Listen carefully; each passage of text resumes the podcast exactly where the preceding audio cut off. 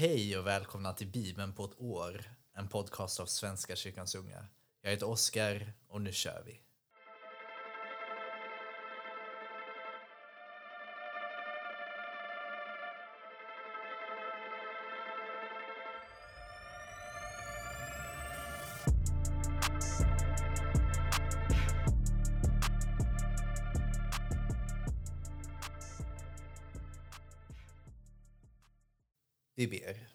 Tack Gud för idag. Tack för den kärlek du har för oss. Tack för att vi har fått vakna upp ännu en dag hos dig, med dig. Var med oss idag. Stärk våra steg. Gör fred på jorden. Och var med i dagens bibelläsning. I Jesu namn. Amen. Ja, hörni, vi börjar i Andra Samuelsboken, kapitel 2, vers 12 till kapitel 3, vers 39. Avner, Ners son, tågade med Sauls son Ishboshets män från Machanaim till Givon medan Joav, Serujas son, drog ut med Davids män. De möttes vid dammen i Givon och gjorde halt på varsin sida om den.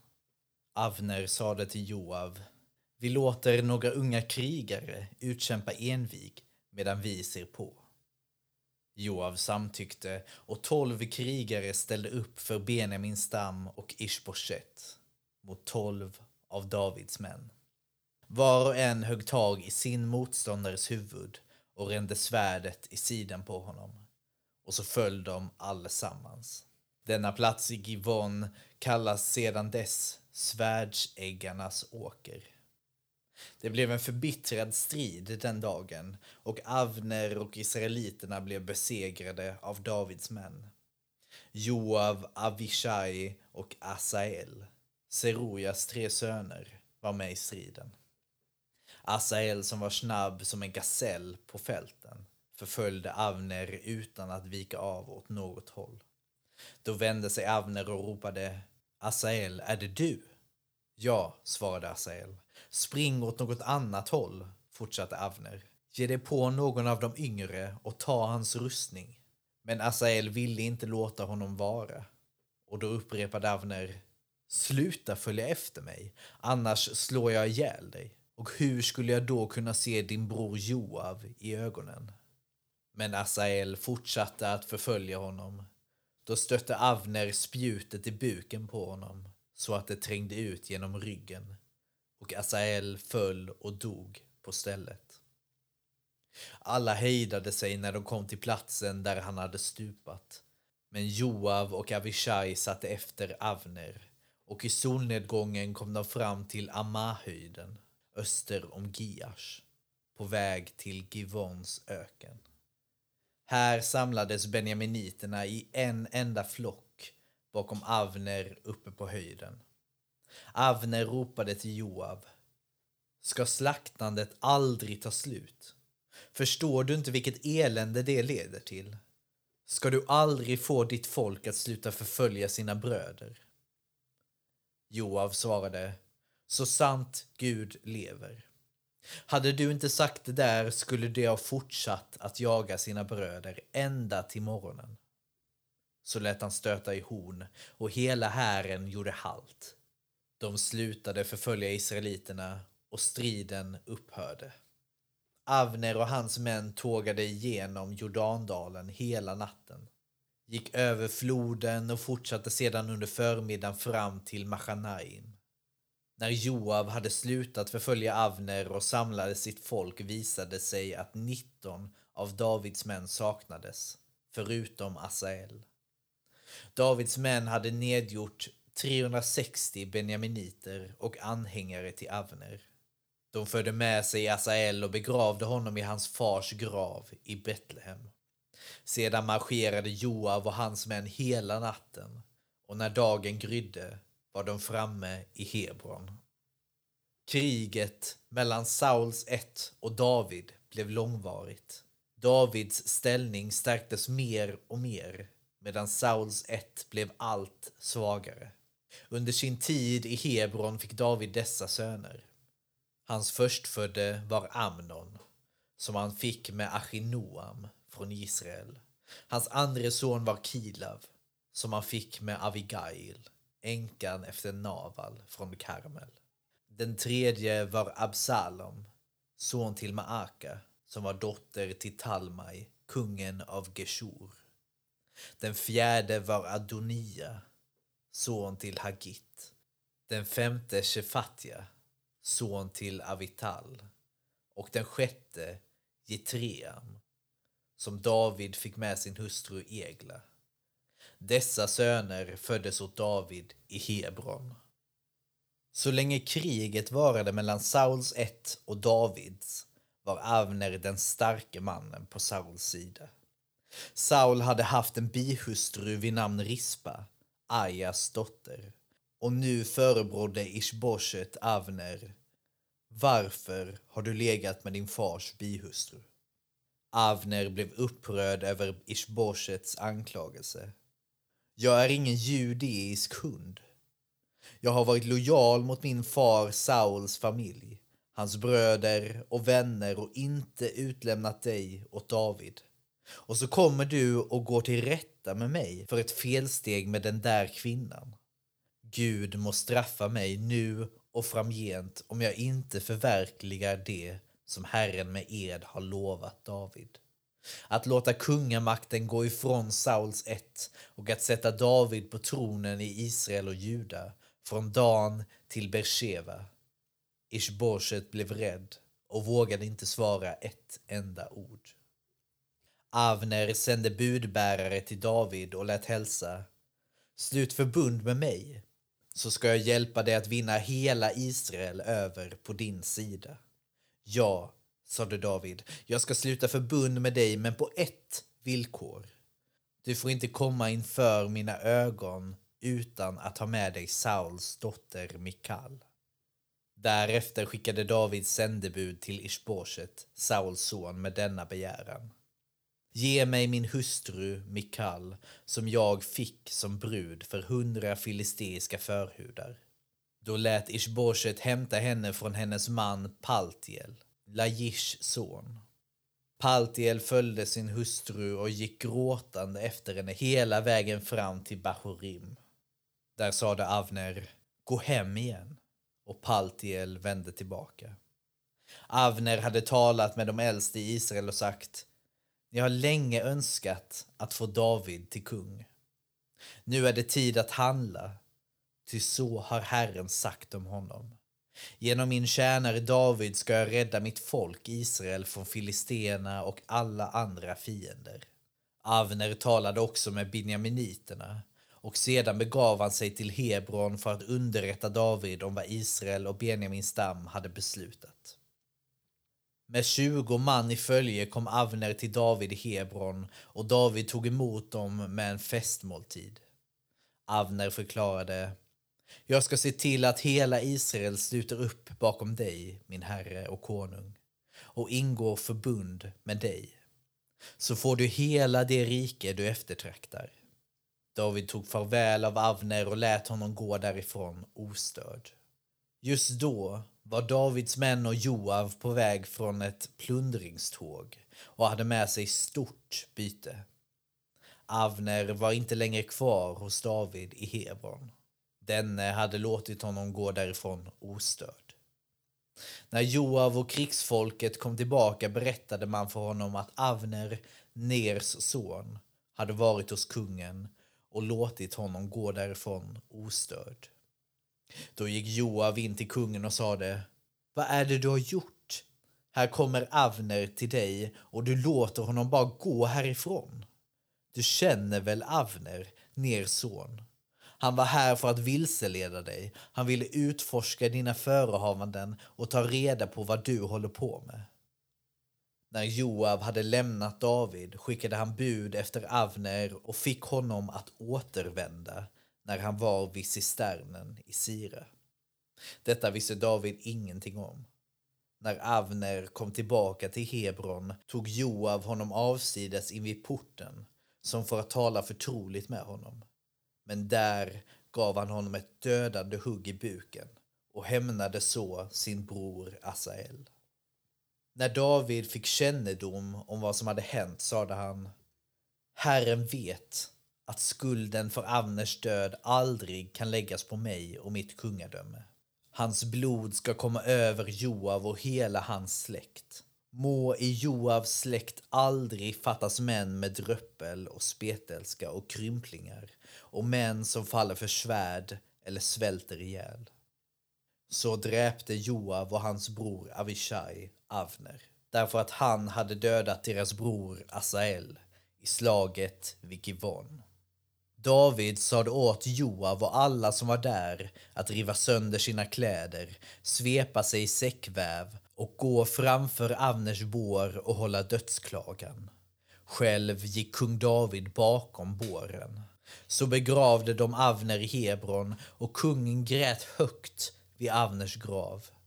Alla som var där grät. Detta är kungens klagosång över Avner. Måste Avner dö en så neslig död? Dina händer var icke bundna, dina fötter ej slagna i bojor. Du föll som man faller för ogärningsmän. Och alla fortsatte att gråta över Avner. Sedan försökte de övertala David att äta något medan det ännu var dag. Men han svor. Gud må straffa mig nu och framgent om jag äter ens en brödbit innan solen går ner. Detta hans svar blev känt och folket uppskattade det, liksom allt vad kungen gjorde. Nu förstod alla där och i hela Israel att kungen inte låg bakom mordet på Avner, Ners son. Ni ska veta att en hövding och storman i Israel har fallit idag, sade kungen till sina män. Själv är jag ännu svag, även om jag är smord till kung. Och de där männen, Serujas söner, är för hårda för mig. Men Herren ska vedergälla de onda för deras ondska. Vi fortsätter i Johannesevangeliet kapitel 13, vers 1-30. Det var strax före påskhögtiden och Jesus visste att hans stund hade kommit då han skulle lämna världen och gå till Fadern. Han hade älskat sina egna som levde här i världen och han älskade dem intill slutet. De hade samlats till måltid och djävulen hade redan ingett Judas, Simon Iskariots son, att förråda Jesus. Jesus visste att Fadern hade lagt allt i hans händer och att han hade utgått från Gud och nu återvände till Gud. Han steg upp från bordet, tog av sig manteln och band en handduk om livet. Sedan hällde han vattnet i tvättfatet och började tvätta lärjungarnas fötter och torka dem med handduken som han hade bundit om sig. När han kom till Simon Petrus sade denne till honom Herre, ska du tvätta mina fötter? Jesus svarade Vad jag gör förstår du inte nu, men senare ska du fatta det. Petrus sade Aldrig någonsin får du tvätta mina fötter. Jesus sade till honom Om jag inte tvättar dig har du ingen gemenskap med mig. Då sade Simon Petrus, Herre, tvätta inte bara mina fötter utan också händerna och huvudet.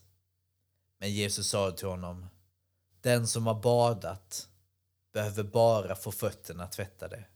I övrigt är han ren. Och ni är rena, dock inte alla. Han visste nämligen vem som skulle förråda honom och därför sade han att de inte alla var rena. När han hade tvättat deras fötter och tagit på sig manteln och lagt sig till bords igen sade han till dem Förstår ni vad det är jag har gjort med er? Ni kallar mig mästare och herre och det med rätta, för det är jag. Om nu jag, som är er herre och mästare, har tvättat era fötter är också ni skyldiga att tvätta varandras fötter. Jag har gett er ett exempel för att ni ska göra som jag har gjort med er.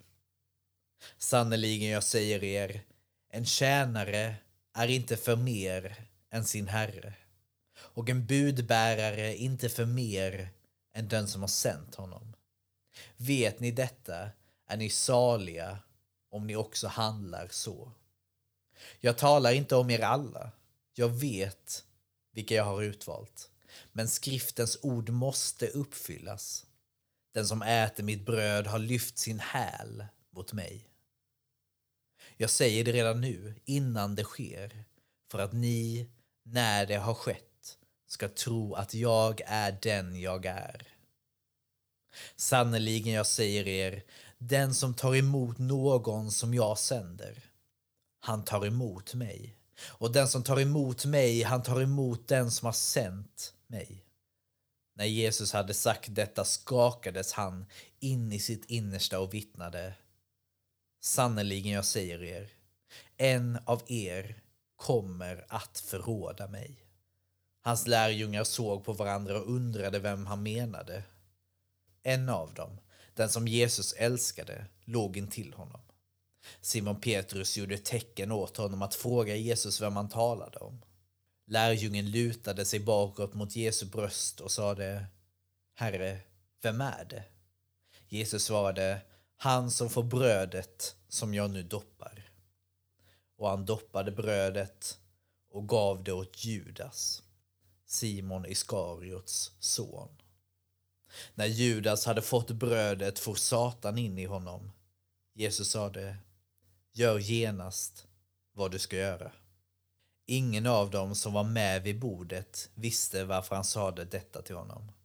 Eftersom Judas hade hand om kassan trodde några att Jesus hade sagt åt honom att köpa vad som behövdes till högtiden eller att ge något till de fattiga. Men Judas tog brödet och gick genast ut. Det var natt. Ja, nu började samma historia, samma påsk som i de tre andra. Spännande. Får vi se hur det fortsätter. Men nu fortsätter vi i Saltaren, psalm 119, vers 1 till 16. Det här är den längsta salmen i Saltaren. Och den kommer vi få njuta av i mer än en vecka framåt. Nu börjar vi. Lycklig den vars liv är fläckfritt. Den som följer Herrens lag. Lycklig den som lyder hans lagbud och helhjärtat vänder sig till honom. Som aldrig gör något orätt utan lever efter hans ord.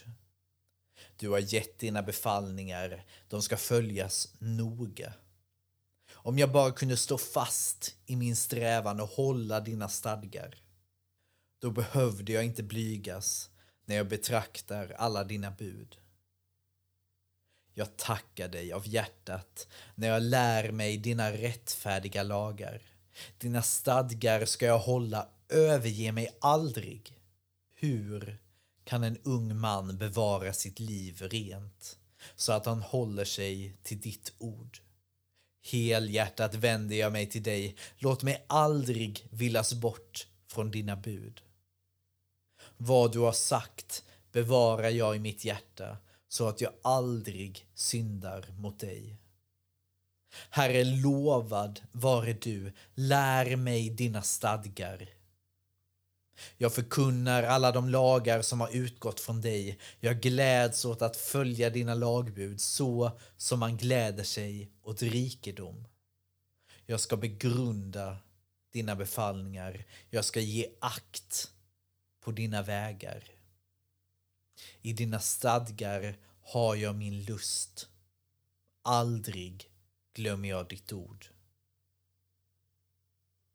Och vi avslutar i Ordspråksboken kapitel 15, vers 29 och 30. Herren är fjärran från de onda, men han hör den rättfärdiges bön. Vänliga blickar gör hjärtat glatt. God nyhet ger kroppen styrka. Det var allt för idag. Ha en underbar dag. Så hörs vi en annan dag. Hej då.